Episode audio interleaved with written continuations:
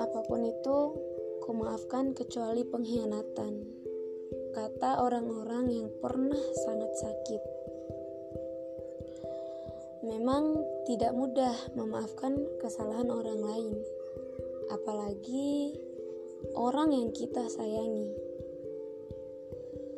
Jangankan dikhianati, dibohongi saja, semua orang tidak bisa menerimanya, termasuk aku sendiri. By the way, sebelum kita lanjut, aku ingin kalian semua kenal dengan aku, meski hanya lewat nama dan suara. Aku Fitri, umurku 16 tahun, dan aku masih duduk di bangku kelas 3 SMA sekarang. Ada beberapa kalimat yang sangat aku benci dan tidak mau aku dengar sama sekali. Mungkin sebagian dari kalian juga sama kayak aku. Kalian tahu apa kalimatnya? Ya. Kalimat kalimatnya itu udah lupain aja udah sih maafin aja gitu aja kok lebay nggak usah dipikirin terus. Nanti kalau dipikirin terus malah makin stres makin pusing.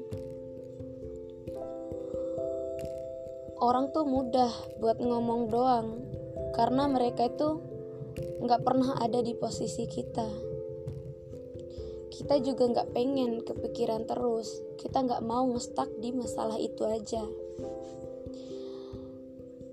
kita juga nggak mau overthinking setiap hari cuma karena masalah itu itu aja. Tapi orang yang tidak pernah mengalami itu mana tahu dan mana ngerti perasaan kita. Pasti 90% dari kita sudah pernah merasakan dikhianati. Baik pengkhianatan dari teman, dari keluarga, ataupun dari orang-orang terdekat kita. Aku sendiri pernah mendapatkan hal itu dari mant yang dulu. Tetapi yang paling membekas di hati aku, yang paling membekas di ingatan aku adalah dihianati oleh orang tua aku sendiri. Khususnya ayah aku ayah yang disebut dengan cinta pertama dari anak perempuannya. Ayah adalah sosok figuran yang paling berarti di hidup anak-anaknya. Dia berhasil menjadi ayah terbaik bagiku, tetapi dia gagal menjadi suami yang baik. Karena bagiku, jika dia menyakiti mama, sama halnya, dia menyakiti hati aku juga. Di sini, aku tidak ingin menjelaskan secara rinci dan detail bagaimana kesalahan dan juga pengkhianatan yang dia lakukan. Aku hanya tidak habis pikir, kenapa begitu? Mengapa dia meninggalkan kami demi orang baru? Itu terdengar sangat konyol, sangat amat konyol. Segala cara dilakukan untuk menyadarkan dia. But the result is nothing. He's already married and have a child. that makes me so broken, but the more one thing I know bahwa dia adalah ayah aku dan aku nggak bisa membencinya sampai kapan pun. Mau sebesar apa pun kesalahan dia sefatal apa pun hal yang dia lakukan dan mau seluruh dunia menghakimi dia pun aku nggak bisa benci terhadap dia. Karena dia ayah aku tanpa adanya dia aku tidak ada di dunia ini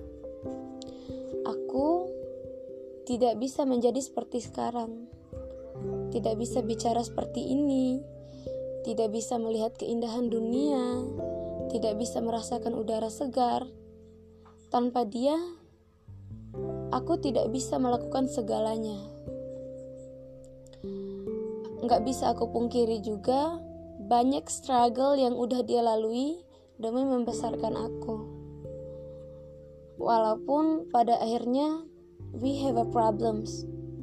Kita memiliki masalah, baik masalah kecil maupun masalah besar. Itu kami anggap sebagai ujian dari Allah Subhanahu wa Ta'ala. Mau gak mau, rela gak rela, kita harus jalanin. Meski sekarang aku harus berbagi ayah dengan orang lain tanpa kita sadari juga banyak anak-anak di luar sana yang membutuhkan figuran seorang an ayah. Sosok figur yang bisa menyemangati di saat mereka lelah. Aku sangat bersyukur karena masih memiliki ayah dan aku masih bisa melihatnya aku tidak kehilangan dia untuk selamanya. And then mungkin sampai di sini dulu perbincangan kita hari ini udah 6 menit lebih kalian bersama saya. Terima kasih untuk kalian semua yang mau mendengarkan cerita saya sampai akhir. Dan pesan saya untuk kalian semua, untuk yang pernah dihianati, dibohongi, baik yang udah lama maupun yang baru saja terjadi. Tolong maafkan dan relakanlah kesalahan yang mereka perbuat. Aku tahu itu susah, itu berat, karena aku juga ngalamin itu. Bagaimana struggle kita untuk memaafkan mereka, bagaimana perjuangan kita untuk melupakan kesalahan yang telah mereka perbuat itu emang gak mudah. Gak semudah seperti, seperti apa yang kita ucapkan. Tapi percaya dan yakin ketika kita mau berusaha hasilnya akan selalu memuaskan. Jangan pernah menyimpan dendam karena dendam tidak baik. Dendam yang kalian simpan itu akan menjadi penyakit hati dan akan merubah kalian menjadi orang yang jahat. Dari yang awalnya kalian orangnya ceria, orangnya yang friendly, orangnya yang ramah, kalian jadi menutup diri, nggak mau kenal orang lain, dan nggak mau nyapa orang lain.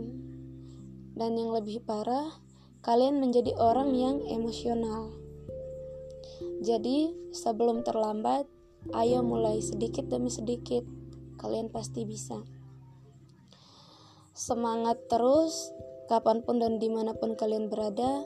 Aku harap kalian tetap sehat. Sampai jumpa di podcast selanjutnya. Aku harap di podcast selanjutnya kita bisa berbincang bareng. See you guys.